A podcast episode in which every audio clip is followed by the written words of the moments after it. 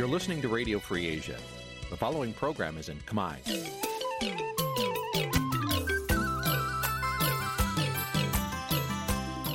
នេះជាកម្មវិធីផ្សាយ Vuthu Azizi Serai នេះជាកម្មវិធីផ្សាយរបស់ Vuthu Azizi Serai ជាភាសាខ្មែរ Vuthu Azizi Serai សូមស្វាគមន៍លោកអ្នកនាងទាំងអស់ពីរដ្ឋធានី Washington នៃសហរដ្ឋអាមេរិក។ ពីរដ្ឋធានី Washington ខ្ញុំបាទមួងណារ៉េតសូមជម្រាបសួរលោកអ្នកនាងកញ្ញាអ្នកស្ដាប់វិទ្យុអាស៊ីសេរីទាំងអស់ជាទីមេត្រី យើងខ្ញុំសូមជូនកម្មវិធីផ្សាយសម្រាប់ព្រឹកថ្ងៃអង្គារ3កើតខែមករាឆ្នាំឆ្លូវត្រីស័កពុទ្ធសករាជ2565ដែលត្រូវនឹងថ្ងៃទី7ខែធ្នូគ្រិស្តសករាជ2021បាទជាដំបូងនេះសូមអញ្ជើញលោកនាងកញ្ញាស្ដាប់ព័ត៌មានប្រចាំថ្ងៃដែលមានមេត្តាដូចតទៅ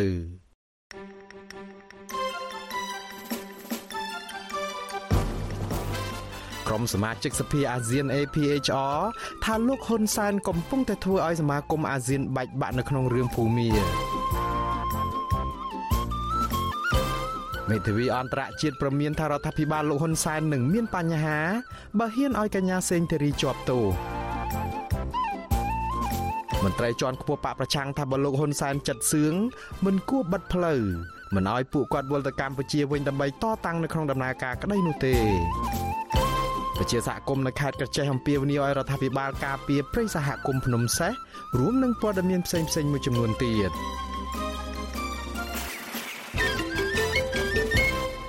បច្ចុប្បន្នតទៅទៀតនេះខ្ញុំបាទមុងណារ៉េតសូមជូនព័ត៌មានទាំងនេះពឺស្ដា បាទលោកអ្នកស្ដាប់ជាទីមេត្រីថ្នាក់ដឹកនាំរបស់ក្រុមសមាជិកសភាអាស៊ានដើម្បីសិទ្ធិមនុស្សហៅកាត់ថា APHR លោកកាសិតភិរមរិះគន់លោកហ៊ុនសែនថាកំពុងតែព្យាយាមធ្វើឲ្យកិច្ចខិតខំប្រឹងប្រែងតស៊ូមតិដ៏លំបាករបស់អាស៊ាន ប្រឆាំងនឹងមេដឹកនាំរដ្ឋប្រហារប្រទេសមីយ៉ាន់ម៉ាឬក៏ភូមា ប្រែคล้ายជាអាសាបងដោយសារតែការប៉ុនប៉ងទទួលស្គាល់និងព្យាយាមចង់ឲ្យមេដឹកនាំរបបនេះ អាចចូលរួមកិច្ចប្រជុំកំពូលអាស៊ាន ដែលកម្ពុជាធ្វើជាប្រធាននៅឆ្នាំ2022ខាងមុខការលើកឡើងរបស់លោកកាស៊ីតភិរមដែលជាសមាជិកគណៈកម្មាធិការនយោបាយរបស់ APHR និងជាអតីតរដ្ឋមន្ត្រីការបរទេសថៃនេះឆ្លើយតបទៅនឹងគម្រោងជួបពិភាក្សាបញ្ហាភូមិរបស់លោកហ៊ុនសែនជាមួយរដ្ឋមន្ត្រីការបរទេសភូមិដែលកំពុងបំពេញទស្សនកិច្ចនៅកម្ពុជា និងគម្រោងរបស់លោកធ្វើទស្សនកិច្ចទៅកាន់ប្រទេសភូមិដោយឥតលក្ខខណ្ឌជាមុននេះ។ លោកកាស៊ីតភេរមបញ្ជាក់ថាវាគឺជារឿងមិនសមទំនងតតែសោះដែលលោកហ៊ុនសែនងាកទៅពិភាក្សាពីផែនការចង់ផ្ដាល់ភាពស្របច្បាប់ទៅឲ្យរបបយោធាទាំងដែលមេដឹកនាំរដ្ឋបហារបបយោធារូបនេះមិនបានកែប្រែនិងគ្រប់តាមលក្ខខណ្ឌទាំង5ចំណុចដែលសមាជិកអាស៊ានបានឯកភាពគ្នាកាលពីពេលមុនដើម្បីដោះស្រាយបញ្ហានៅភូមាលោកភិរមអំពាវនាវឲ្យមេដឹកនាំទាំងឡាយ អង្គការអន្តរជាតិរួមទាំងក្រុមប្រឹក្សាសន្តិសុខអង្គការសហប្រជាជាតិដែលគាំទ្រមេដឹកនាំអាស៊ានចំពោះការឯកភាព5ចំណុចរួមទាំងសមាជិកអាស៊ានផ្សេងទៀតគួរតែបញ្ជាក់ឲ្យច្បាស់ទៅប្រធានថ្មីអាស៊ាន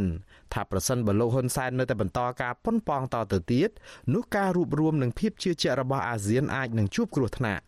មិនខុសគ្នានេះដែរអ្នកសិក្សាស្រាវជ្រាវនៃវិទ្យាស្ថានខ្មែរសម្រាប់សហប្រតិបត្តិការនឹងសន្តិភាពលោកវ៉ាន់ប៊ុនណាមើលឃើញថាអាស៊ាន អាចនឹងមានការប្រឆាធ្ងន់ធ្ងរប្រសិនបើកម្ពុជានៅតែប៉ុនប៉ងទទួលស្គាល់របបសឹកភូមា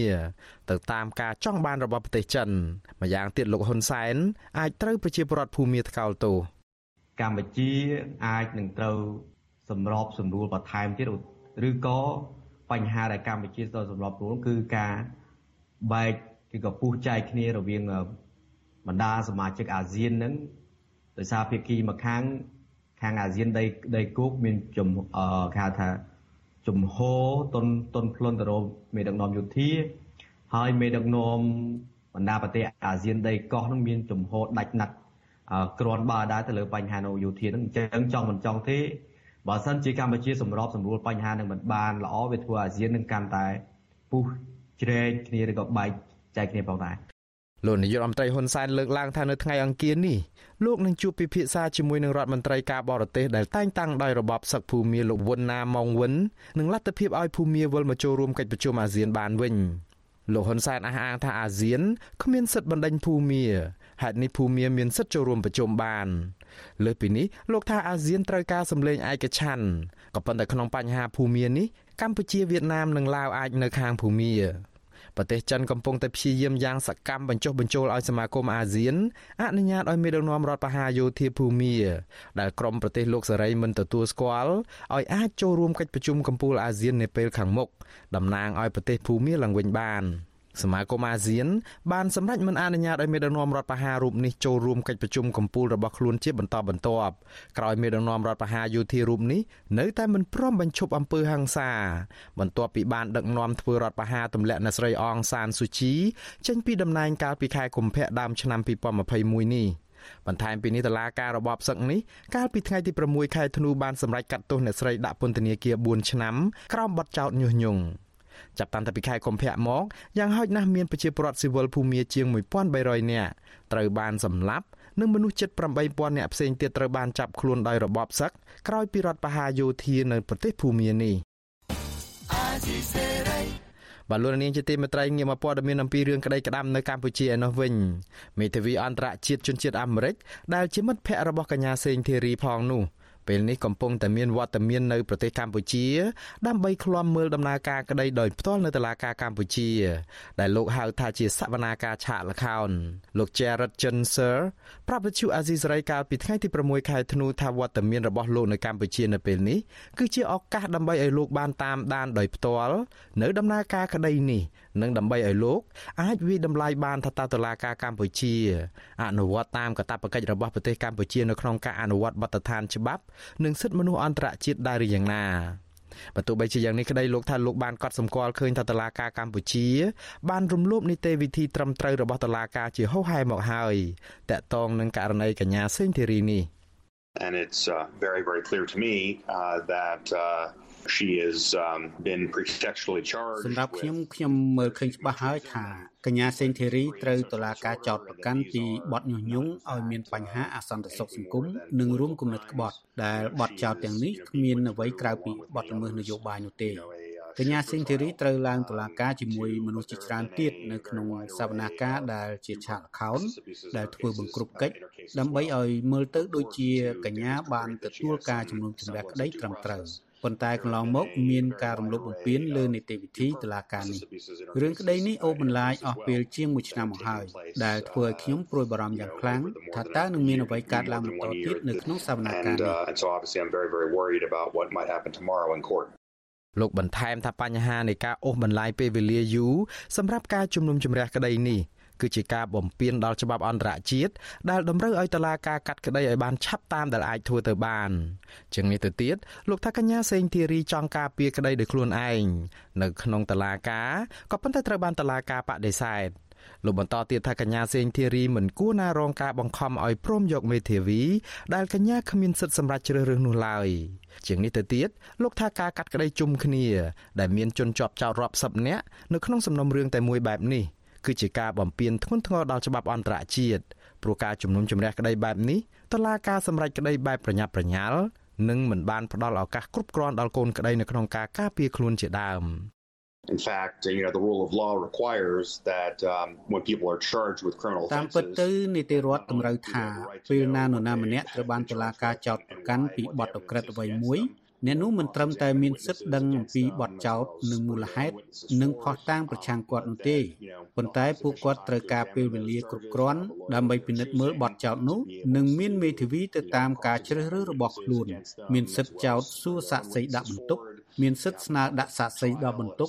មានសិទ្ធិជំនុំជម្រះក្តីជាសាធារណៈនិងកាត់ក្តីឆាប់រហ័សនៅចំពោះមុខតុលាការឯករាជ្យជាដើមប៉ុន្តែចំណុចទាំងអស់នេះមានបញ្ហាគ្រប់ចំណុចទៅហើយក្នុងរឿងក្តីនេះ បញ្ហាធំមួយនោះគឺការកាត់ក្តីជុំគ្នាច្រើននេះកន្លងមកតឡាការកម្រឲ្យសកម្មជននយោបាយណាម្នាក់រួចខ្លួនដោយមិនបានផ្ដន្ទាទោសនោះឡើយបើទោះបីជាទោសនោះត្រូវកាត់តម្រឹមឬក៏ព្យួរក៏ដោយនៅក្នុងករណីនេះលោក Jared Jenser ថាលោកនិងកូនក្តីរបស់លោកនឹងមិនអាចទទួលយកបាននោះឡើយ លោកទៀមទាឲ្យតឡាកាត្រូវទម្លាក់ចោលរាល់បទចោទប្រឆាំងលើកញ្ញាសេងធីរីឬលើកលែងចោលការចោទប្រកាន់ទាំងស្រុង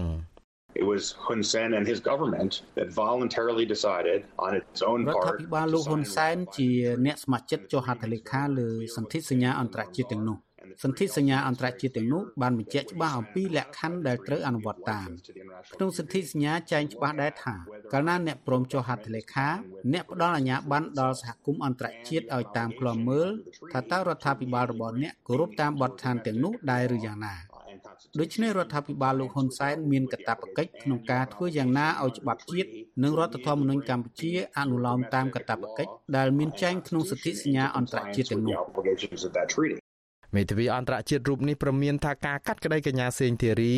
ក្នុងសវនាការឆាកលខោននិងសំណុំរឿងដែលមានចរិតនយោបាយនេះមិនអាចលាក់ចិត្តពីភ្នែករបស់សាធារណមតិជាតិនិងអន្តរជាតិបានឡើយលោកថារឿងច្បាស់ក្រឡែតបែបនេះនរណាក៏ដឹងដែរថាជាចេតនារបស់រដ្ឋាភិបាលលោកហ៊ុនសែនក្នុងការធ្វើទុកបុកម្នេញសម្លេងប្រឆាំង if Thierry is uh, convicted and and sentenced even if those បើតុលាការកាត់ទោសកញ្ញាសេងធីរីបើទោះបីជាទោសនោះត្រូវព្យួរក៏ដោយ នោះវានឹងក្លាយទៅជាស្នាមជាំខ្មៅមួយប្រឡាក់ជាប់រដ្ឋាភិបាលលោកហ៊ុនសែនហើយកម្ពុជានឹងរងប្រតិកម្មតបពីសហគមន៍អន្តរជាតិនេះមិនមែនជារឿងល្អសម្រាប់កម្ពុជាដែលជាប្រធានអាស៊ាននោះទេ មិនតែប៉ុណ្ណោះកញ្ញាសេងធីរីមានសញ្ជាតិអាមេរិក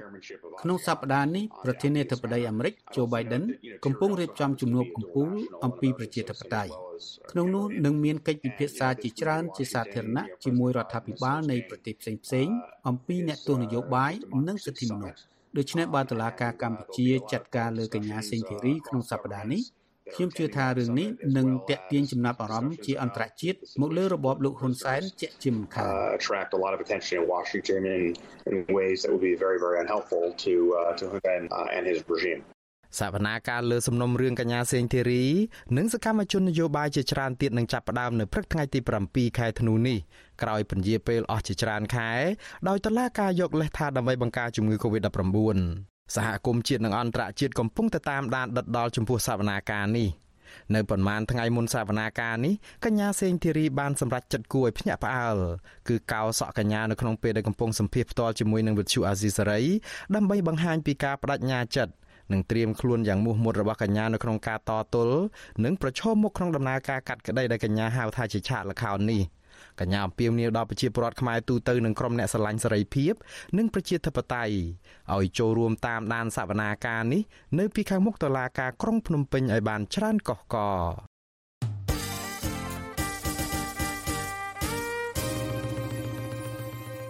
បាទលោកនាងជាទីមេត្រីមន្ត្រីជាន់ខ្ពស់បកសង្គ្រោះជាតិអំពាវនាវឲ្យប្រជាពលរដ្ឋទាំងអស់ទៅក្លំមើលសវនាការជំនុំជម្រះថ្នាក់ដឹកនាំនិងសកម្មជនគណបកប្រឆាំង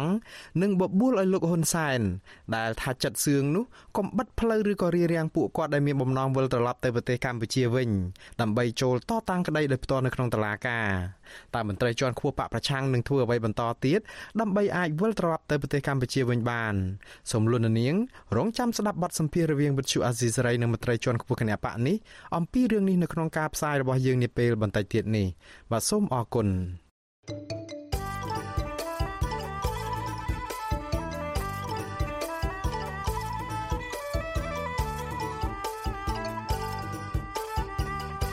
បលូននាងជាទីមេត្រីអ្នកវិភាគនយោបាយនិងមន្ត្រីគណៈបកប្រឆាំងថ្លែងថាលោកនាយរដ្ឋមន្ត្រីហ៊ុនសែន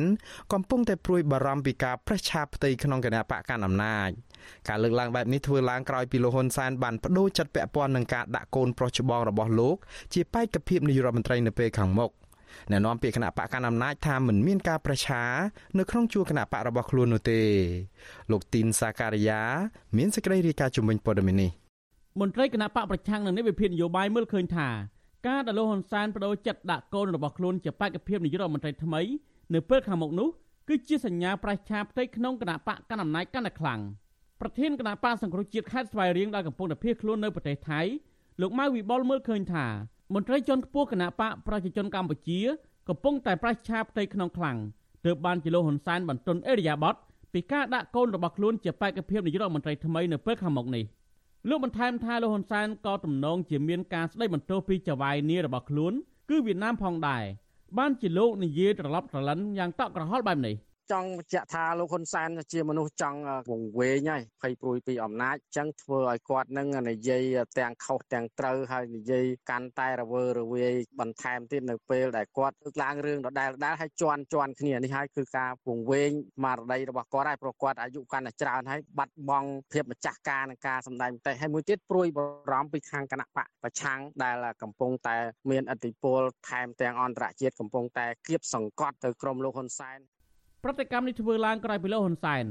បានប្រកាសនៅក្នុងពិធីសម្ពោធដាក់ឲ្យប្រើប្រាស់ផ្លូវជាតិលេខ11ជាផ្លូវការនៅខេត្តព្រៃវែងនៅព្រឹកថ្ងៃទី6ធ្នូថាការដែលលោកប្រកាសការពីពេលថ្មីថ្មីនេះពុំមែនមានន័យថាលោកដាក់កូនប្រុសច្បងរបស់លោកគឺលោកហ៊ុនម៉ាណែតដែលអាចចូលឈ្មោះជាបេក្ខភាពនាយករដ្ឋមន្ត្រីតែម្នាក់ឯងនោះទេលោកហ៊ុនសែនបញ្ជាក់ថាកូនប្រុសរបស់រដ្ឋមន្ត្រីក្រសួងមហាផ្ទៃលោកសខេងកូនប្រុសរបស់រដ្ឋមន្ត្រីក្រសួងការពារជាតិលោកទាបាញ់ កូនប្រុសរបស់ប្រធានប្រសិទ្ធិលោកសាយឈុំនិងកូនរបស់អនុប្រធានទី1រដ្ឋសភាគឺលោកជាមយិបជាដើមក៏អាចចូលឈ្មោះក្នុងតំណែងកម្ពូលនេះបានដែរប្រសិនបើពួកគេត្រូវបានជ្រើសរើសពីគណៈកម្មការអចិន្ត្រៃយ៍នៃគណៈបកប្រជាជនកម្ពុជាករណីហ៊ុនសែនអត់ស្លាប់ទេប៉ុន្តែហ៊ុនម៉ាណែតកសាងកំហុសអីមួយខ្ញុំមិនអាចបន្តគ្រប់គ្រងកូនរបស់ខ្ញុំ ក្នុងពេលដែលគេប្រព្រឹត្តនៅកំហុសដែលធ្វើឲ្យបាក់បាត់បង់ប្រជាប្រិយភាពនោះទេអត់ទេនឹងនិយាយគ្នាឲ្យច្បាស់នៅកន្លែងនោះប៉ុន្តែដោយសារតែការញុះញង់ម្ដងហើយម្ដងទៀតម្ដងហើយម្ដងទៀតហើយជាពិសេសនៅជុំវិញសខេងហ៊ុនសែនសខេងហ៊ុនសែនហើយមានអាចចង្រៃមួយណានោះសិតតែសខេងហ្នឹងគឺថាអីកាយសំណាងហ៊ុនសែនផ្កាយគ្រោះអានោះដូចមកនៅនេះហ្នឹងអីលោកស្អីមកអង្គនោះអានោះមេគុណតាសនយកទៅផ្សឹកបាត់ស្អីអានោះបបាយប្រវាស្អី ក្រៅពីនេះលោកហ៊ុនសែនក៏ប្រមានមន្ត្រីបកប្រឆាំងនិងអ្នកវិភាគកុំឲ្យចេះដឹងឬលូកលាន់ផ្ទៃក្នុងគណៈបកកណ្ដាលអំណាចនិងក៏មកប្រដៅឲ្យកូនប្រុសរបស់លោកផ្ដាច់ខ្លួនចេញពីឪពុកជាដើមសារនេះទំនងជាលោកហ៊ុនសែនចង់សម្ដៅដល់អ្នកវិភាគនយោបាយជើងចាស់មួយរូបគឺបណ្ឌិតឡាវម៉ុងហៃដែលលោកធ្លាប់លើកឡើងថាលោកហ៊ុនម៉ាណែតអាចស្នងតំណែងពីឪពុកបានប៉ុន្តែត្រូវបង្ហាញគុណសម្បត្តិនិងបដូរអត្តចរិតឲ្យដាច់ពីឪពុករបស់លោកជាពិសេសក្នុងវិស័យនយោបាយ ទាក់ទងនឹងបញ្ហានេះអ្នកនាំពាក្យគណៈបកកណ្ដាលអំណាចលោកសុកអេសានប្រាប់វិទ្យុអាស៊ីសេរីថាការដែលលោកហ៊ុនសែនលើកឡើងបែបនេះពុំមែនដោយសារតែមានទំនាស់ផ្ទៃក្នុងរបស់គណៈបកនោះទេប៉ុន្តែលោកអះអាងថាជាការពន្យល់បន្ថែមដើម្បីឲ្យប្រជាពលរដ្ឋយល់ដឹងច្បាស់លាស់អំពីគោលបំណងរបស់លោកហ៊ុនសែនតែប៉ុណ្ណោះ អត់មានបែកបាក់ទេអារឿងនេះថាបែកបាក់នោះតាំងពី79មកសួរតែឥឡូវ79រហូតដល់ថ្ងៃនេះ43ឆ្នាំហើយសួរតែបែកបាក់កន្លែងណាណាបែកបាក់កន្លែងណាហើយកន្លងទៅមានការចោទប្រកាន់ថាក្រមសម្ដេចជាស៊ីមក្រមសម្ដេចហ៊ុនសែនក្រមសម្ដេចសខេងហ្នឹងបែកបាក់គ្នាតែឥឡូវព្រឹកមិញគាត់បញ្យល់បោះលីងណាទោះបីជាយ៉ាងនេះក្តីកាលពីថ្ងៃទី2ធ្នូលោកនាយរដ្ឋមន្ត្រីហ៊ុនសែនប្រកាសគាំទ្រឲ្យកូនប្រុសច្បងរបស់លោក គឺលោកហ៊ុនម៉ាណែតធ្វើជានាយរដ្ឋមន្ត្រីនៅពេលអនាគតភ្លាមភ្លាមក្រោយពីការប្រកាសនេះមានក្រសួងស្ថាប័នរដ្ឋមួយចំនួនបានចេញញត្តិគាំទ្រលើការប្រកាសរបស់លោកហ៊ុនសែននេះប៉ុន្តែក្រុមរបស់លោកសខេងមិនបានបង្ហាញសារគាំទ្រនោះទេនៅវិភាននយោបាយដែលកំពុងតែភៀសខ្លួននៅប្រទេសហ្វាំងឡង់លោកកឹមសុខយល់ថាសាររបស់លោកហ៊ុនសែននៅពេលនេះជាការប្រេះច្រាំផ្ទៃក្នុងរបស់គណៈបកកណ្ដាលអំណាចលោកជឿថាមន្ត្រីជាន់ខ្ពស់គណៈបកប្រជាជនកម្ពុជាជាច្រើនអ្នកមិនពេញចិត្តនឹងការលើកឡើងរបស់លោកហ៊ុនសែន ដែលប្រកាសលើកបន្តកូនរបស់ខ្លួនជាបេក្ខភាពនាយករដ្ឋមន្ត្រីថ្មីនេះទេព្រោះពួកគេយល់ថាទង្វើរបស់លោកហ៊ុនសែនបែបនេះជាការមើលងាយមើលថោកនិងមិនផ្ដល់តម្លៃដល់ចាស់ចាស់ដែលមានប្រវត្តិតស៊ូជោគជាំពីមុនមកជាធម្មតាទេលោកហ៊ុនសែនលើកជាសាធារណៈហើយលោកសខេងនៅអង្គុយពីក្រោយគាត់ដែរសាធារណៈបែបហ្នឹងមិនអាចឲ្យលោកសខេងទៅជំទាស់បានទេវាបង្ហាញអំពី ការមិនឯកភាពផ្ទៃក្នុងណាប៉ុន្តែនៅក្នុងផ្ទៃក្នុងមិនប្រកាសថាលោកសខេងមិនជំទាស់ឬក៏មិនតវ៉ាចំពោះអ្វីដែលជាការលើកឡើងរបស់លោកហ៊ុនសែនទេដូច្នេះលោកហ៊ុនសែនចុងក្រោយត្រូវតែសម្រួលស្ថានភាពមកវិញខ្លះឲ្យសមទំនងឲ្យល្អមើលកុំឲ្យស្ថានភាពទាំងផ្ទៃក្នុងបកទាំងផ្ទៃក្នុងរដ្ឋាភិបាលទាំងផ្ទៃក្នុងជាតិវារអិលធ្លាក់ដោយមហាជនមើលឃើញថា ជាគំរូនៃកូរ៉េខាងជើងលើពីនេះទៀតអ្នកវិភាគនិងមន្ត្រីបកប្រឆាំងលើកឡើងថា ការដែលលោកហ៊ុនសែនប្រកាសម្ដងហើយម្ដងទៀតពីការដាក់បេក្ខភាពនាយករដ្ឋមន្ត្រីបែបនេះប្រហែលជាលោកមានបញ្ហាសុខភាពមិនអាចដឹកនាំប្រទេសបានយូរទៅមុខទៀតពួកគេជឿថាទោះបីជាលោកហ៊ុនសែនខំបកស្រាយដើម្បីបន្ធូរភាពតានតឹងក្នុងជួរគណៈបកនិងដើម្បីបន្លប់ស្ថានភាពយ៉ាងនេះក្តីក៏លោកនៅតែដាក់កូនប្រុសច្បងរបស់ខ្លួនគឺលោកហ៊ុនម៉ាណែតជាបេក្ខជននាយករដ្ឋមន្ត្រីនៅពេលអនាគតស្នងតំណែងពីឪពុកដោយប្រទេសកូរ៉េខាងជើងដដែល ខ្ញុំទីនសាការីយ៉ាសិរីប្រធានីវ៉ាស៊ីនតោន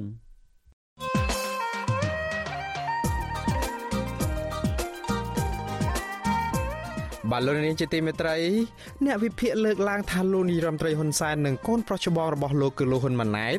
មិនមែនជាដៃគូប្រកួតដែលមានប្រជាប្រិយភាពខ្លាំងនោះឡើយក៏ប៉ុន្តែពួកគេមើលឃើញថាហេតុផលមួយដែលនាំឲ្យគណៈបកប្រជាជនកម្ពុជានៅតែអាចកាន់អំណាចបាននោះ គឺមកពីក្រុមអ្នកប្រជាធិបតេយ្យខ្លួនឯងខ្សោយទៅវិញទេតើមូលហេតុអ្វីបានជាក្រុមអ្នកប្រជាធិបតេយ្យខ្សោយតើត្រូវធ្វើយ៉ាងដូចម្តេចខ្លះដើម្បីអាចប្រកួតប្រជែងការបោះឆ្នោតឈ្នះគណៈបកកណ្ដាលអំណាចបាន បាទសូមលន់នាងរងចាំស្ដាប់នឹងទស្សនានីតិវិទ្យាអ្នកស្ដាប់វិទ្យុអាស៊ីសេរីដែលនឹងជជែកអំពីបញ្ហានេះនៅយប់ថ្ងៃអង្គារទី7ខែធ្នូនេះកំបីខានលោកនាងអាចសួរវាគ្មិនរបស់យើងឬក៏បញ្ចេញមតិយោបល់ដោយដាក់លេខទូរស័ព្ទរបស់លោកនាងនៅក្នុងខ្ទង់ comment របស់ Facebook ឬក៏ YouTube របស់វិទ្យុអាស៊ីសេរីដែលកំពុងតែផ្សាយផ្ទាល់នៅពេលនេះក្រុមការងាររបស់វិទ្យុអាស៊ីសេរីនឹងហៅទៅលោកអ្នកនាងវិញបាទសូមអរគុណ បលូននាងជាទីមេត្រីរីឯព័ត៌មានអំពីស្ថានភាពឆ្លងរាលដាលនៃជំងឺ Covid-19 នៅកម្ពុជាឯណោះវិញកាលពីម្សិលមិញអ្នកស្លាប់ដោយសារតែជំងឺនេះមានចំនួន4នាក់ទៀតនៅក្នុងនោះអ្នកដែលមិនបានចាក់វ៉ាក់សាំងមាន3នាក់ ចំណែកឯករណីឆ្លងថ្មីវិញក្រសួងសុខាភិបាលប្រកាសថាមាន24នាក់ដែលជាលទ្ធផលបញ្ជាក់ដោយម៉ាស៊ីនពិសោធន៍ PCR ក៏ប៉ុន្តែតួលេខនេះមិនរាប់បញ្ចូលលទ្ធផលដែលពិនិត្យតាមឧបករណ៍តេស្តរហ័សឬក៏ Rapid Test នោះទេគិតមកត្រឹមថ្ងៃទី5ខែធ្នូកម្ពុជាមានអ្នកកើតជំងឺ Covid-19 ជាង120,000នាក់នៅក្នុងនោះអ្នកជាសះស្បើយមានជាង110,000នាក់ករណីអ្នកស្លាប់បានកើនឡើងដល់2960នាក់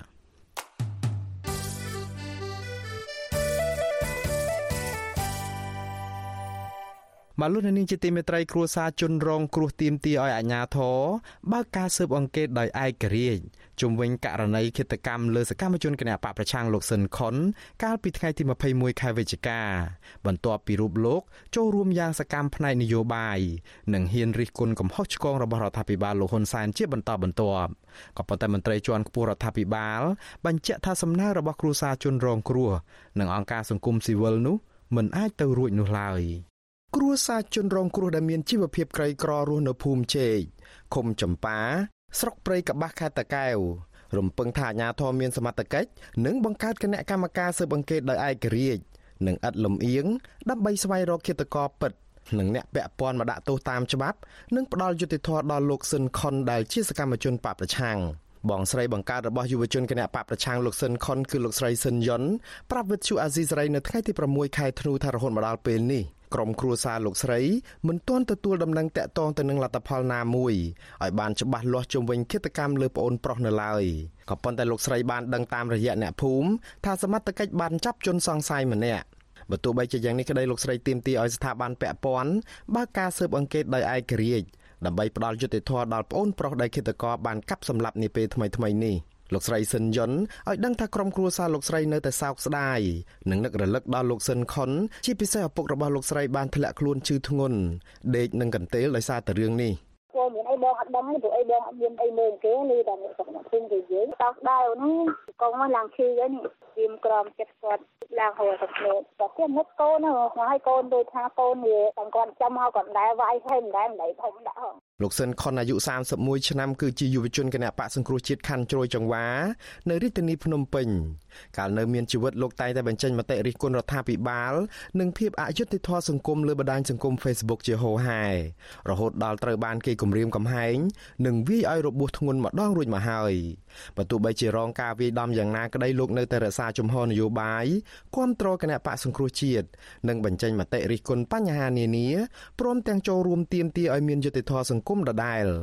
ក្រោយមកលោកសិនខុនត្រូវបានជន់មិនស្គាល់មុខកាប់ត្រូវជាច្រើនកំបិតនៅលើដងខ្លួន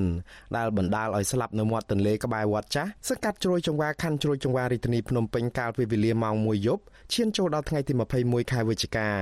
ពីថ្ងៃក្រោយមក សមត្ថកិច្ចបានចាប់ខ្លួនជនសង្ស័យម្នាក់ឈ្មោះថាសៀងចរ័តអាយុ29ឆ្នាំជាជាងសំណង់ ជនសង្ស័យបានសារភាពប្រាប់មន្ត្រីកងរាជអាវុធហត្ថថាខ្លួនបានកាប់សម្លាប់ជនរងគ្រោះដោយផ្ដាំចេញពីគំនុំពីព្រោះតែខឹងជនរងគ្រោះផឹកស្រាស្រវឹងទៅលោឡានៅកន្លែងប្អូនរបស់ខ្លួនជួសជុលម៉ូតូក៏ប៉ុន្តែចម្លើយសារភាពរបស់ជនសង្ស័យរូបនោះត្រូវបានក្រុមគ្រួសារនិងមិត្តភ័ក្តិរបស់លោកស៊ិនខុន ព្រមទាំងអ្នកប្រើប្រាស់បណ្ដាញសង្គម Facebook មួយចំនួនរិះគន់និងសង្ស័យថាជាឆាកល្ខោនព្រោះពួកគាត់យល់ថាករណីនេះពាក់ព័ន្ធនឹងរឿងនយោបាយព្រោះលោកសិនខុនជាមនុស្សស្លូតបូតចូលចិត្តធ្វើកិច្ចការសង្គមនិងមិនធ្លាប់មានគំនុំជាមួយនឹងអ្នកណានោះឡើយ។ ឆ្លើយតបទៅនឹងរឿងនេះប្រធានអង្គភិបអ្នកណែនាំពាក្យរដ្ឋាភិបាលលោកផៃស៊ីផានបញ្ជាក់ថារដ្ឋាភិបាលមិនអាចបង្កើតគណៈកម្មការស៊ើបអង្កេតឯករាជ្យណាមួយពាក់ព័ន្ធនឹងករណីឃាតកម្មលើសកម្មជនបពប្រឆាំងតាមសំណើគ្រួសារនិងក្រុមអង្គការសង្គមស៊ីវិលបានទេដែលលោកអះអាងថាការធូរដូច្នេះគឺរំលោភច្បាប់របស់កម្ពុជាក៏ប៉ុន្តែលោកបន្តលើកទឹកចិត្តឲ្យអ្នកពាក់ព័ន្ធសហការជាមួយនឹងសមាជិកនិងដាក់ភ័ស្តុតាងដាក់បន្ទុកទៅតុលាការដើម្បីរកយុត្តិធម៌វិញ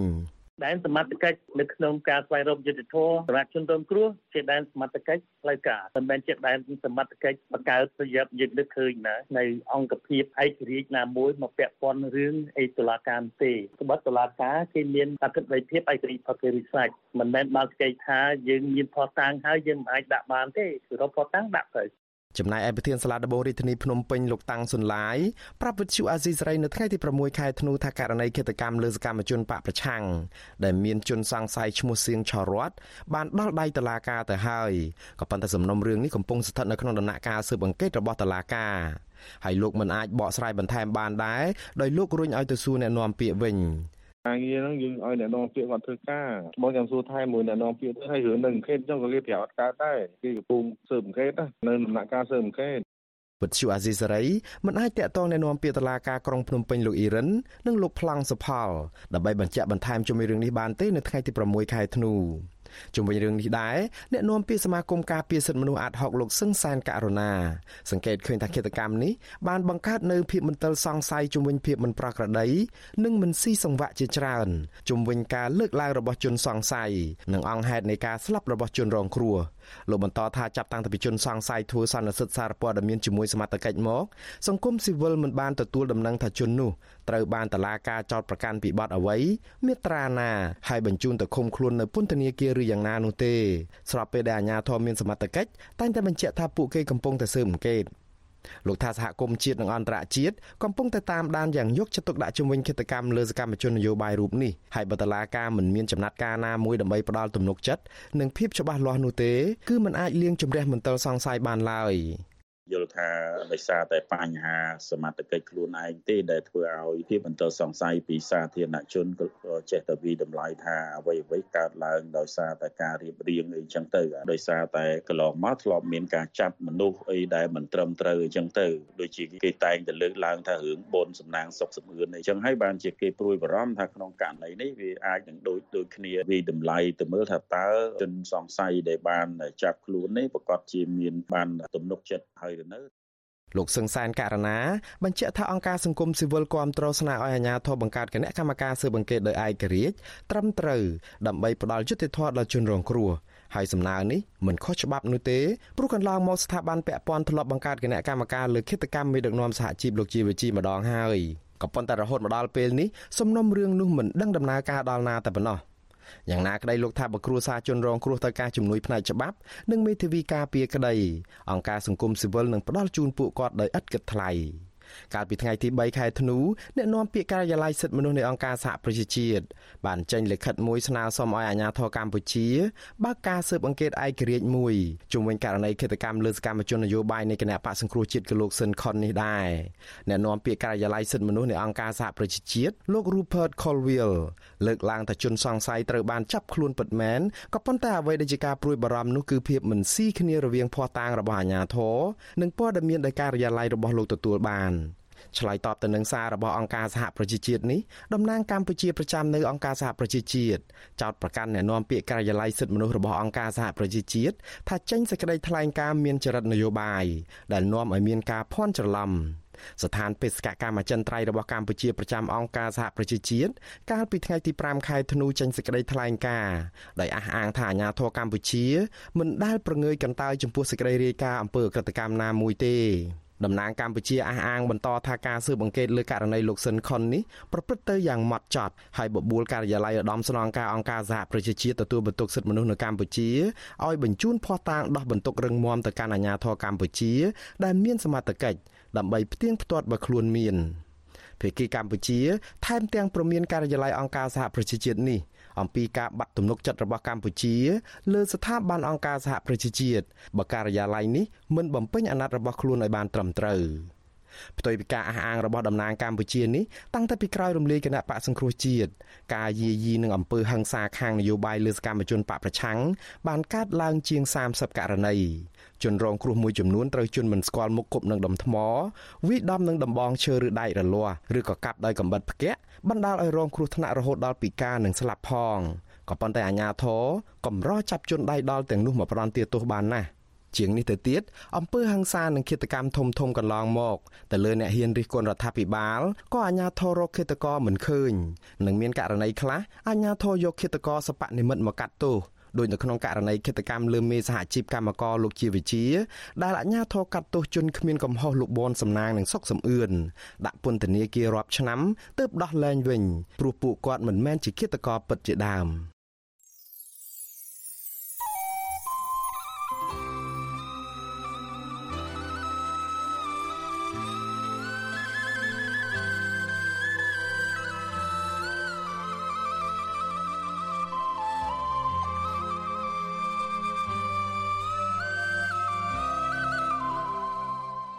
បាទលោកនាងជាទីមេត្រីលោកនាងក៏អាចស្ដាប់ការផ្សាយរបស់វិទ្យុអាស៊ីសេរីដំណើរគ្នាទៅនឹងការផ្សាយតាមបណ្ដាញសង្គម Facebook និង YouTube នេះតាមរយៈរលកធារកាសខ្លីឬក៏ Shortwave ពេលព្រឹកចាប់ពីម៉ោង5កន្លះដល់ម៉ោង6កន្លះតាមរយៈរលកធារកាសខ្លី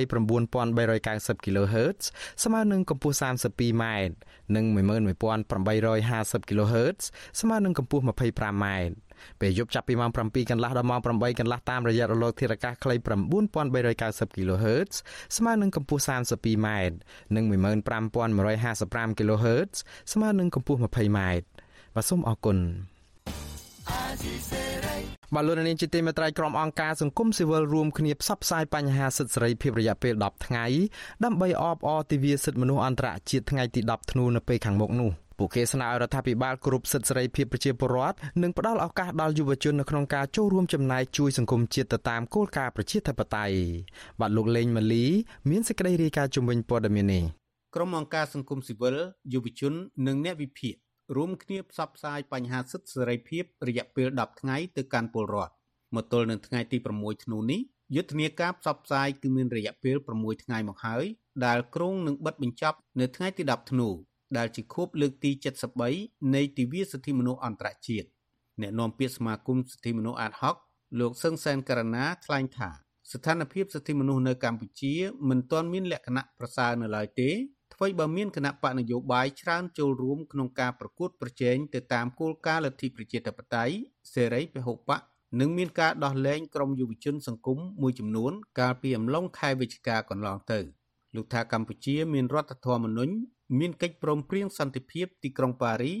និងមានការផ្ដល់នូវសច្ចាប័នដែលជាលិខិតតុបករស្ដីពីសិទ្ធិមនុស្សដូច្នេះរដ្ឋាភិបាលត្រូវជាប់កាតព្វកិច្ចក្នុងការគោរពសិទ្ធិមនុស្សយើងអត់ចង់ឃើញប្រទេសយើងក្នុងស្ថានភាពបែបនេះទេគឺយើងចង់ឲ្យមានការអនុវត្តប្រជាធិបតេយ្យនឹងដោយភាពសេរីត្រឹមត្រូវយុត្តិធម៌សម្រាប់ការគូតប្រជែងការបោះឆ្នោតក្នុងរយៈកាល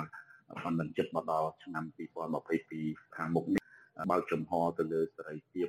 សារព័ត៌មានសេរីភាពខាងអង្គការសង្គមស៊ីវិលហើយជំរុញឲ្យមានឯករាជ្យភាពខាងកងកម្លាំងប្រដាប់អាវុធក៏ដូចជាស្ថាប័នឯករាជ្យ3ដែលត្រូវតែឯករាជ្យដាច់ចេញពីគ្នាដើម្បីធ្វើការឆ្លោះបញ្ចាំងអំពីអំណាចទាំងអស់ហ្នឹងឲ្យមានតុល្យភាពគ្នាដោយឡែកសកម្មជនបរិស្ថានលោកលីចន្ទរាវុធបានបង្ហាញក្តីព្រួយបារម្ភចំពោះបញ្ហារំលោភសិទ្ធិសេរីភាពធ្ងន់ធ្ងរនៅកម្ពុជាដែលអាចធ្វើឲ្យយុវជននិងពលរដ្ឋមានការភ័យខ្លាចក្នុងការចូលរួមកិច្ចការសង្គម។ លើពីនេះលោកថារដ្ឋាភិបាលបានប្រើលេស COVID-19 ដើម្បីទប់ស្កាត់សម្លេងរិះគន់របស់ពលរដ្ឋចុងក្រោយដែលយើងឃើញច្បាស់ច្បាស់ហ្នឹងគឺនៅក្នុងប្រទេសកម្ពុជាហ្នឹងក៏មានការរំលោភបំពានសិទ្ធិមនុស្សធ្ងន់ធ្ងរដែរយើងសង្កេតឃើញថាមានការចាប់ខ្លួនសកម្មជនគណៈបកប្រឆាំងហ្នឹងទៅឃុំខ្លួនដោយមិនមានការសួរនាំឬក៏មិនមានការស៊ើបអង្កេតរឿងគាត់ឲ្យបានច្បាស់លាស់ទេហើយសកម្មជនសង្គមដូចជាខ្មែរថាវរៈសកម្មជនបរិស្ថានហ្នឹងបែរជាត្រូវបានចាត់ប្រកាន់ពីបទព្រំប្រទានបទញុះញង់ស្រដៀងគ្នានេះដែរ ប្រធានក្រុមអ្នកវិភាគវ័យក្មេងកញ្ញាលីស្រីស្រស់យល់ឃើញថាកម្ពុជាមានការធ្លាក់ចុះនៅស្ថានភាពសិទ្ធិសេរីភាព ជាពិសេសនៅក្រៅការរំលាយគណៈបកសង្គ្រោះជាតិកញ្ញាបន្តថាការរំលោភបំពានសិទ្ធិសេរីភាពនេះមានទំហំកាន់តែធំដោយឆ្លងទៅដល់ប្រទេសជិតខាងផងដែរជាក់ស្ដែងកម្ពុជាបានសហការជាមួយនឹងរដ្ឋាភិបាលថៃក្នុងការចាប់បញ្ជូនសកម្មជននយោបាយត្រឡប់មកកម្ពុជាជាដើម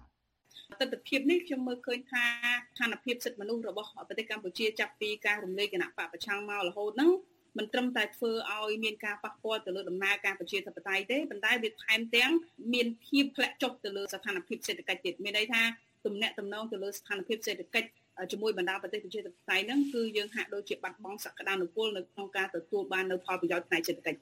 ជាការឆ្លើយតបនឹងការរិះគន់អ្នកនាំពាក្យរដ្ឋាភិបាលលោកផៃស៊ីផានអះអាងថា រដ្ឋាភិបាលមិនបានរំលោភបំពានសិទ្ធិមនុស្សដោយការចោទប្រកាន់របស់មតិមហាជន និងអង្គការសង្គមស៊ីវិលឡើយទន្ទឹមនឹងនោះការរឹតបន្តឹងសិទ្ធិសេរីភាពដែលធ្វើឡើងមួយចំនួនក្នុងពេលកន្លងមកដូចជាការហាមឃាត់ការជួបជុំគ្នាច្រើនជាដើមគឺក្នុងបំណងអនុវត្តវិធានការសុខាភិបាលដើម្បីទប់ស្កាត់ការរាលដាលនៃជំងឺ Covid-19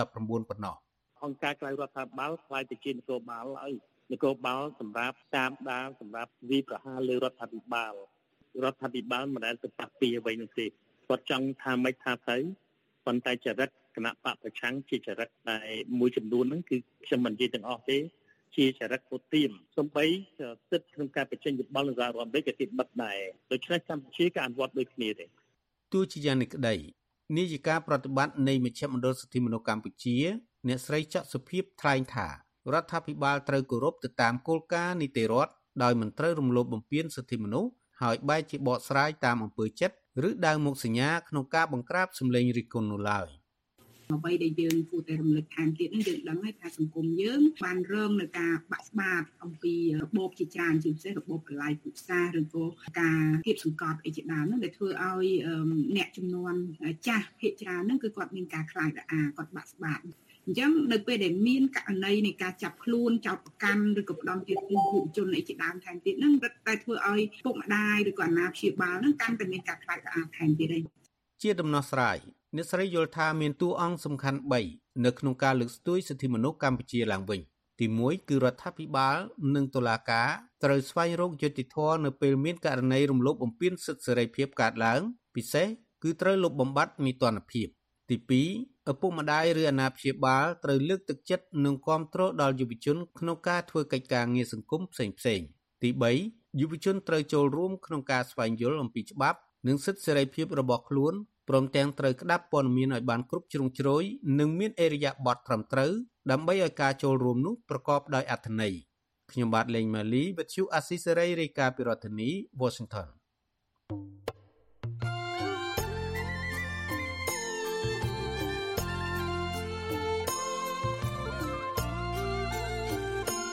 បាទលោកនាងជាទីមេត្រីលោកនាងកំពុងតែស្ដាប់ការផ្សាយរបស់វិទ្យុអាស៊ីសេរីផ្សាយចេញពីរដ្ឋធានី Washington សហរដ្ឋអាមេរិក។នៅក្នុងឱកាសនេះដែរខ្ញុំបាទសូមថ្លែងអំណរគុណយ៉ាងជ្រាលជ្រៅដល់លោកនាងកញ្ញាទាំងអស់ដែលតែងតែមានភក្ដីភាពចំពោះការផ្សាយរបស់យើងហើយចាត់ទុកការស្ដាប់វិទ្យុអាស៊ីសេរីជាផ្នែកមួយនៃសកម្មភាពប្រចាំថ្ងៃរបស់លោកនាង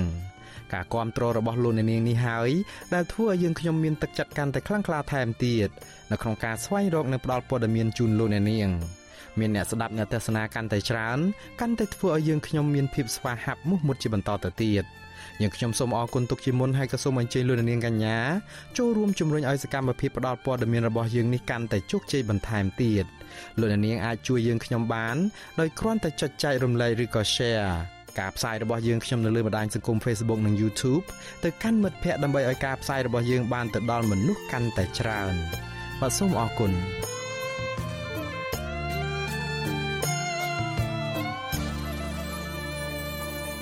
បាទលោកនាងជាទីមេត្រីព័ត៌មានពីខេត្តក្រចេះឯណោះព្រៃសហគមន៍ភ្នំសេះដែលជាកន្លែងអាស្រ័យផលយ៉ាងសំខាន់របស់ជនជាតិដើមភាគតិចភ្នង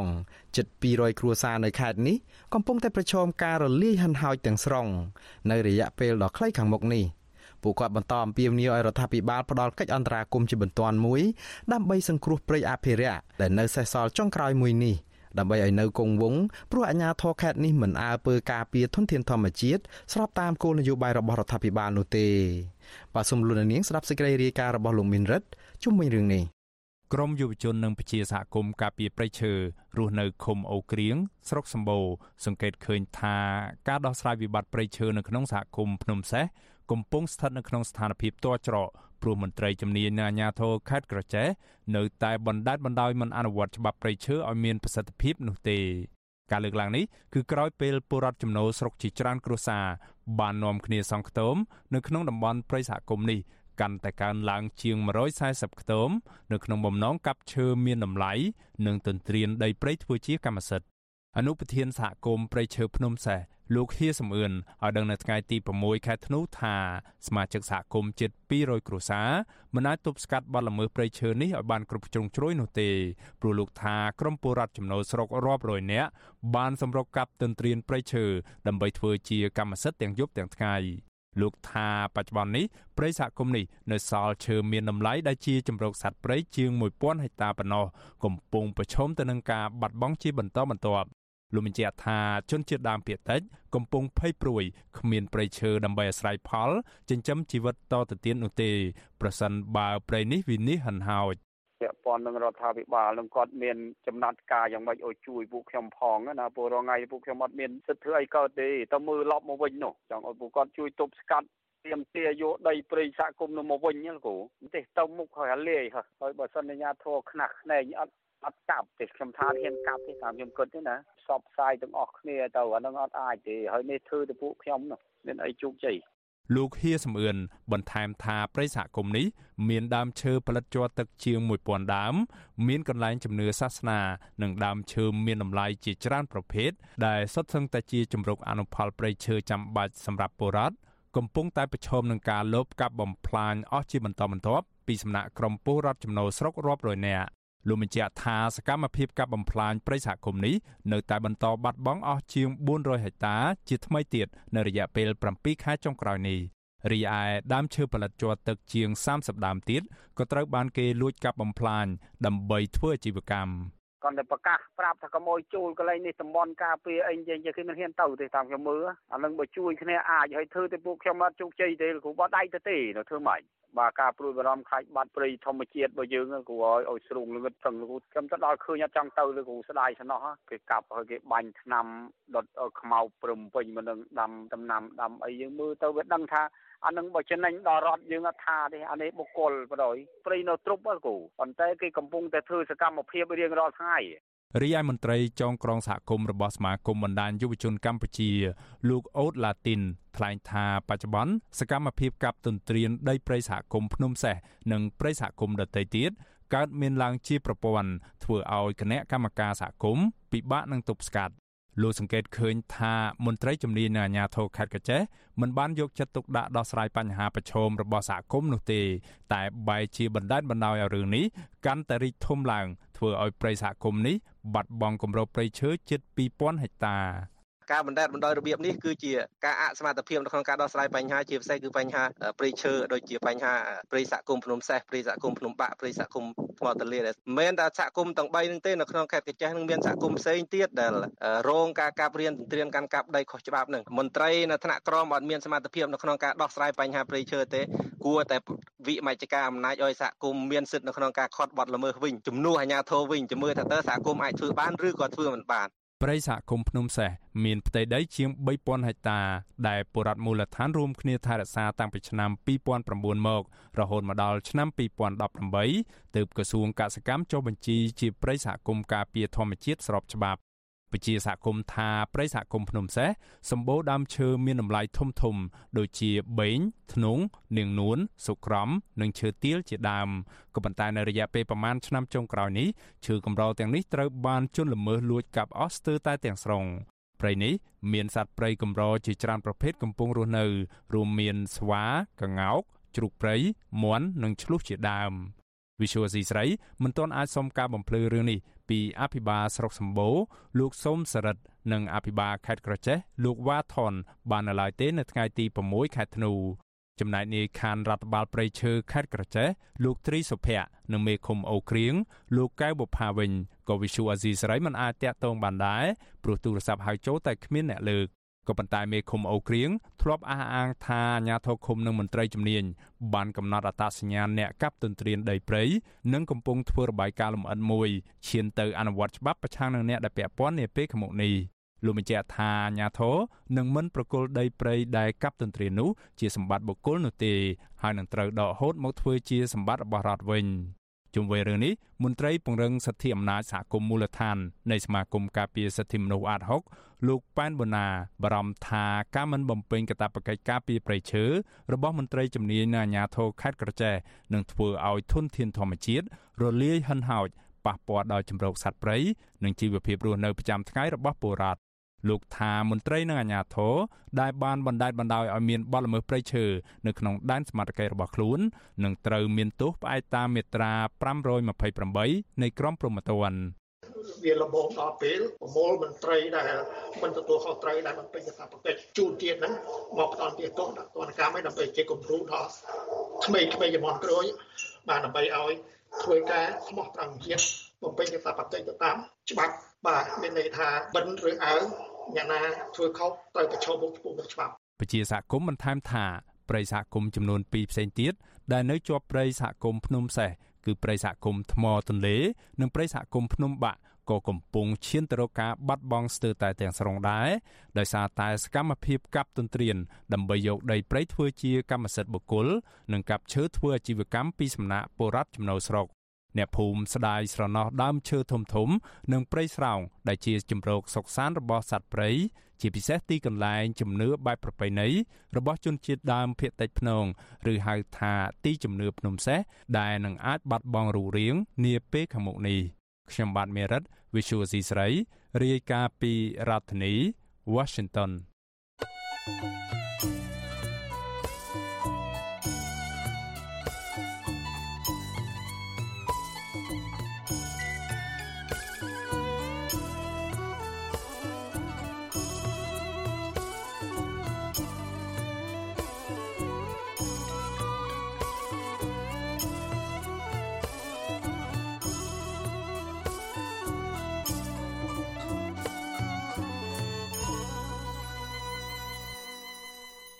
បាទលោកនាងជាទីមេត្រី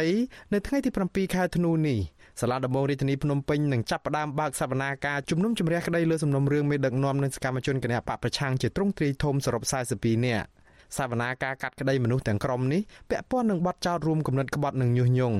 ក្នុងសំណុំរឿងប៉ុនប៉ងវិលចូលស្រុកវិញរបស់ប្រធានស្ដីទីគណៈបកសង្គ្រោះជាតិលោកសំរងស៊ីកាលពីថ្ងៃទី9ខែវិច្ឆិកាឆ្នាំ2019កន្លងទៅអនុប្រធានគណៈបកសង្គ្រោះជាតិអ្នកស្រីមូសុខហួរថាបើលោកហ៊ុនសែនចាត់សឿងមែនមិនគួរបិទផ្លូវមិនឲ្យពួកគាត់វិលទៅកម្ពុជាវិញដើម្បីចូលរួមតតាំងនៅក្នុងដំណើរការកាត់ក្តីនេះទេអ្នកស្រីអំពាវនាវឲ្យប្រជាពលរដ្ឋទាំងអស់ទៅតាមដានសវនាការនេះបើទោះបីជាអ្នកស្រីអះអាងថាសវនាការនេះជាសវនាការឡប់ឡាយនយោបាយក៏ដោយបាទសូមលោកនាងស្ដាប់បទសម្ភាសន៍រវាងលោកទីនសាការីយ៉ានិងអ្នកស្រីមូសុកហួរអំពីបញ្ហានេះដូចតទៅលើជំទាវនៅក្នុងសំណុំរឿងជំនុំជម្រះនៅថ្ងៃនេះអ្នកច្បាប់បានលើកឡើងថាតឡាការបានចេញនៃការកោះហៅជនសង្ស័យជនជាប់ចោតមានទាំងលោកជំទាវផងហ្នឹងតឡាការក៏ត្រូវតែកោះហៅដីកាដើម្បីបើកច្រកឲ្យអ្នកដែលនៅក្រៅប្រទេសចូលដែរប៉ុន្តែ លោកតាំងសុនឡាយបានឆ្លើយតបបានប្រាស្រ័យកន្លងមកថាដែលប្រធានសាលាដំបងរាជធានីភ្នំពេញបានលើកឡើងថាតុលាការបានត្រឹមតែចេញដីកាកោះហៅទេប៉ុន្តែរឿងរដ្ឋាភិបាលសម្រាប់យ៉ាងណានោះគឺអាស្រ័យលើរដ្ឋាភិបាលតើចំណុចនឹងលោកជំមើលឃើញបានណាបាទជាតុលាការរបស់អ្នកណាជាតុលាការរបស់រដ្ឋាភិបាលគាត់និយាយហ្នឹងគាត់ទៅល្អមើលគាត់ទៅល្អឲ្យយើងបញ្ជាក់ឲ្យឃើញថានេះជាតុលាការរបស់រដ្ឋាភិបាលរដ្ឋាភិបាលលោកហ៊ុនសែនហ្នឹងចា នឹងគឺគាត់បោកអាឃ្លាគ្នាឯងហ្នឹងដូច្នេះយើងអត់មានជជែកគ្នាគុំតតវ៉ាជាមួយពួកហ្នឹងយើងយកយកច្បាប់យកមកនិយាយចាហើយយើងជឿជាក់ថានៅចុងក្រោយច្បាប់នឹងឯងច្បាប់កម្ពុជានឹងឯងគឺជាច្បាប់ដែលមកការពារយើងជាអ្នកគេចោទប្រកាន់យើងហើយខ្ញុំសូមបញ្ជាក់ណាគោលការណ៍ចម្បងនៃការកាត់សេចក្តីឲ្យមានយុត្តិធម៌ជូនទៅដល់អ្នកអ្នកនោះយើងខ្ញុំជាអ្នកសង្ស័យឡើយទេចោទប្រកាន់យើងឥឡូវអ្នកណា ដែលជាទី1អ្នកណាយើងចង់ដឹងអ្នកណាដែលដាក់បណ្ដឹងនៅលើយើងអញ្ចឹងអ្នកដែលប្តឹងយើងសូមចេញមុខមកសាកហើយមេធាវីរបស់យើងខ្ញុំមានសិទ្ធទៅសួរអ្នកដែលប្តឹងយើងចាក៏ហៅអ្នកដែលប្តឹងយើងទេអ្នកណាប្តឹងយើងយើងខ្ញុំណាចាចេញមុខមកមិនដែលឃើញចេញមុខទេ គឺគេមានគេមានមេធាវីរបស់គេនឹងមកការពារគេរហូតនឹងបង្ហាញឲ្យឃើញថាវាអត់មានពីព្រោះអ្នកខាងដែលចោតយើងនឹងអត់មានផុសតាងទី2ត្រូវមានផុសតាងផុសតាំងនៅឯណាថាយើងជាជនក្បត់ជាតិនៅឯណាហើយទី3ត្រូវតែឲ្យដែលយើងដែលចេះជាប់ចោតនេះនៅពេលដែលគេចោតយើងយើងមិនមែនជាទុនដិតទេណាយើងមិនមែនជាអូទៀនអីដែលដែលគេចិត្តទៅហៅយើងស្រេចទៅចិត្តបានទេណា ចាយើងនៅតែមានសេរីភាពដដែលណាហើយដើម្បីឲ្យមានយុត្តិធម៌ពិតប្រាកដណាបើលោកហ៊ុនសែនជាមនុស្សដែល មានកិត្តិយសមានភាពអង្អាចក្លាហានណាឈានប្រឈមមុខជាមួយនឹងយើងខ្ញុំបើកផ្លូវមកទៅ24ម៉ោងបាននេះមានអីលំបាកទេហើយយើងអត់ចង់ទៅប្រឈមមុខជាមួយអីទេយើងចង់ឲ្យបញ្ចប់យើងចង់ឲ្យបញ្ចប់នៅសន្តិនិកកម្មនៃពួកប្រទេសនៃពលរដ្ឋយើង ហើយខ្ញុំសូមបញ្ជាក់ទៀតថាយើងជាអ្នកដែលយើងជាអ្នករងគ្រោះតែយើងមិនទុកខ្លួនយើងថានៅតែជើនៅតែរងគ្រោះអញ្ចឹងយើងត្រូវងើបឈរឡើងហើយយើងសូមបញ្ជាក់ទៀតលោកប្រធានស្ដីទីសំរងស៊ីក៏ជាមួយយើងយើងខ្ញុំពួកយើងខ្ញុំមានសេចក្តីសម្រេចសម្រេចជាមួយគ្នាសូមឲ្យអ្នកដែលជាជនរងគ្រោះណានិងរបបលោកហ៊ុនសែននិងតុលាការរបស់លោកហ៊ុនសែនកុំតិចទៀនគ្នាកុំដាក់បន្ទុកលើគ្នា កុំចោតប្រកាន់គ្នា យើងត្រូវតែងើបឈរឡើងក្នុងនាមយើងជាអ្នកប្រជាធិបតេយ្យក្នុងនាមយើងជាអ្នកកាន់ច្បាប់យកច្បាប់ជាធំដូច្នេះការដែលមានគំនិតខុសគ្នាបន្តិចបន្តួចយុទ្ធសាស្ត្រខុសគ្នាបន្តិចបន្តួចជាការធម្មតាទេនៅក្នុងបកណាក៏ជាការធម្មតាដែរអ្វីដែលយើងត្រូវតែរួមគ្នាជាមួយគ្នា គឺយើងត្រូវតែមើលថាអ្នកណាដែលជាគូប្រកួតជាមួយយើងចា ហើយយើងចង់បានអីរួមទាំងអស់គ្នាយើងចង់បានអីយើងចង់បានយុត្តិធម៌យើងចង់បានប្រទេសកម្ពុជាមួយដែលមានសន្តិភាពពិតប្រាកដមិនមែនការសន្តិភាពคล้ายคล้ายដែលចាត់ប្រជាពលរដ្ឋពេលណាក៏បានរបៀបនេះហើយលក់ដីធ្លីស្រេចតែចិត្តរបៀបនេះมันអាចទទួលយកបានទេបាទអរគុណលោកវិទ្យាមានប្រសាសន៍ថាចង់ឲ្យបើកផ្លូវឲ្យជូនមេធាវីអីទៅតតាំងដែរណាចាត្រូវតែទៅពីព្រោះយើងតតាំងដើម្បីខ្ញុំបាននិយាយឲ្យបោអាក្រា កុំភ្លេចថាខ្ញុំធ្លាប់ខ្លួនខ្ញុំនឹងធ្លាប់ទៅតតាំងនៅមុខចៅក្រមខ្ញុំបានបោអាក្រាខ្ញុំទៅពីជាន់3ជាន់តឡាការទាំង3ជាន់នឹងខ្ញុំទៅរហូតហ្នឹងចាដើម្បីអីដើម្បីឲ្យបង្ខាញឲ្យឃើញថាតើតុលាការនៅប្រទេសកម្ពុជាស្ថាប័នជាដើម្បីផ្ដល់យុត្តិធម៌ជូនពលរដ្ឋនោះជាស្ថាប័នរបៀបណា បើយើងមិនឲ្យយើងអត់ទៅគេគេបញ្ចប់ករណីហ្នឹងដោយស្ងាត់ស្ងៀម ដូចជាយើងទទួលយកទោសអញ្ចឹងដោយអត់មានការតវ៉ាអីតតែសោះយើងខ្ញុំមិនអាចធ្វើចឹងបានទេចាយើងខ្ញុំទោះបីដឹងថាជាចៅក្រមទីមងក៏ដោយ ជាចៅក្រមដែលអត់មានតម្លៃអីទាល់តែសោះក៏ដោយក៏យើងត្រូវតែបច្ចុប្បន្នទៅមើលមុខចៅក្រមនឹងហើយបង្ឲ្យចៅក្រមមកហ៊ានមើលមុខមើលហើយឆ្លើយជាមួយយើងខ្ញុំតើយើងខ្ញុំខុសនឹងអីដូចជាសេងធីរីខ្ញុំសូមយកឱកាសនេះ សូមអំពាវនាវជាមួយនឹងបងប្អូនជនរួមជាតិដែរសូមបងប្អូនដូចជាការអំពាវនាវរបស់កញ្ញាសេងធីរីទាំងអស់គ្នាចូលរួមនៅពេលនោះតើ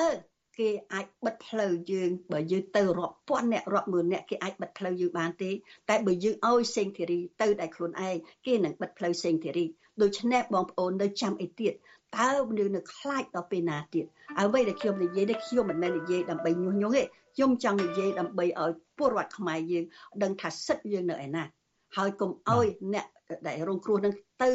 ប្រឈមមុខដោយខ្លួនឯងយើងត្រូវតែមានភាពក្លាហានហើយជាពិសេសយុវជនយុវជនដែលនៅតែទៀមទាថាចង់ឲ្យមានទួនាទីនៅក្នុងការសេចក្តីសម្រេចចង់ឲ្យមានទួនាទីនៅក្នុងការដឹកនាំនៅប្រទេសពេលនេះបង្ហាញខ្លួនមកថាយុវជនដែលជាគោរពសិទ្ធិមនុស្សគោរពអឺ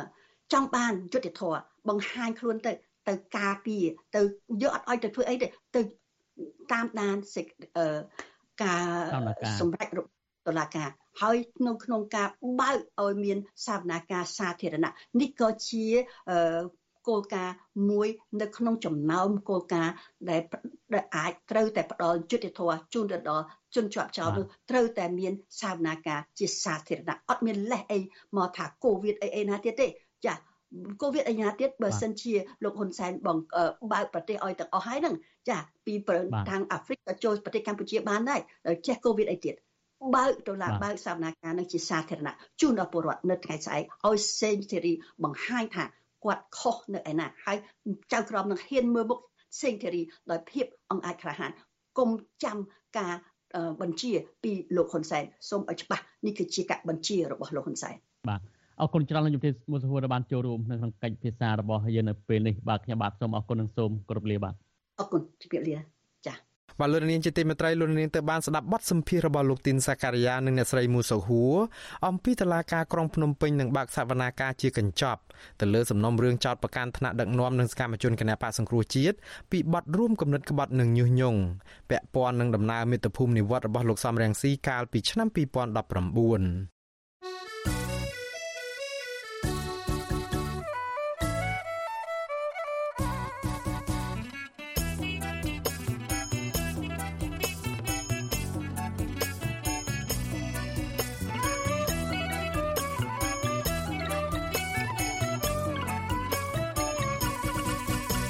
បាទលោកនាងជាទីមេត្រីជាបន្តទៅទៀតនេះខ្ញុំបាទមួងណារ៉េតសូមជូនព័ត៌មានបញ្ចប់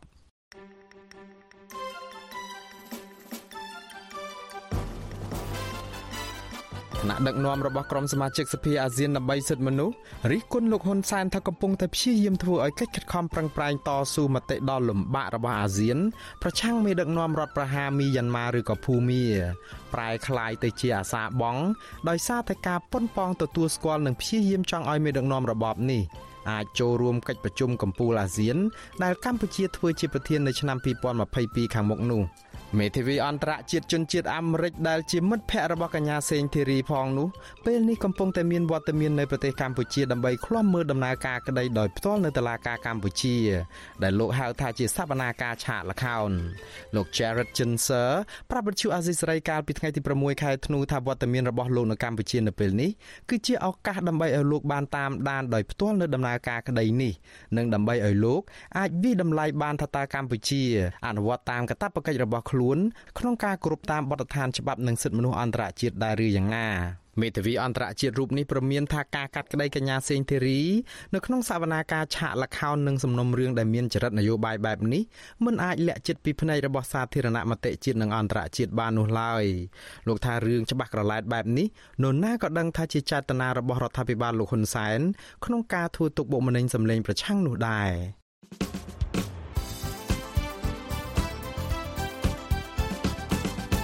បាទលោកនាងកញ្ញាអ្នកស្ដាប់ជាទីមេត្រី ការផ្សាយរយៈពេល1ម៉ោងជាភាសាខ្មែររបស់វិទ្យុអាស៊ីសេរីនៅពេលនេះចប់តែប៉ុណ្ណេះយើងខ្ញុំសូមជូនពរដល់លោកនាងព្រមទាំងក្រុមគ្រួសារទាំងអស់ឲ្យជួបប្រកបតែនឹងសេចក្តីសុខចម្រើនរុងរឿងកំបីគ្លៀងគ្លាតឡើយខ្ញុំបាទមុងណារ៉េតព្រមទាំងក្រុមការងារទាំងអស់នៃវិទ្យុអាស៊ីសេរីសូមអរគុណនិងសូមជម្រាបលា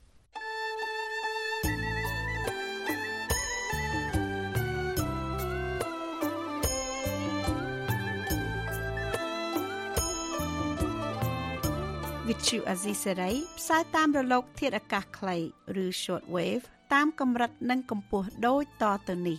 ពេលព្រឹកចាប់ពីម៉ោង5កន្លះដល់ម៉ោង6កន្លះតាមរយៈរលក ធាតុអាកាសខ្លី9940 40 kHz ស្មើនឹងកម្ពស់ 30m ពេលយប់ចាប់ពីម៉ោង7កន្លះដល់ម៉ោង8កន្លះតាមរយៈរលក ធាតុអាកាសខ្លី9960 kHz ស្មើនឹងកម្ពស់ 30m និង11240 kHz ស្មើនឹងកម្ពស់ 25m លោកអ្នកនាងក៏អាចស្ដាប់ការផ្សាយផ្ទាល់តាមប្រព័ន្ធអ៊ីនធឺណិតដោយចូលទៅកាន់គេហទំព័រ www.rfa.org/ ខ្មែរ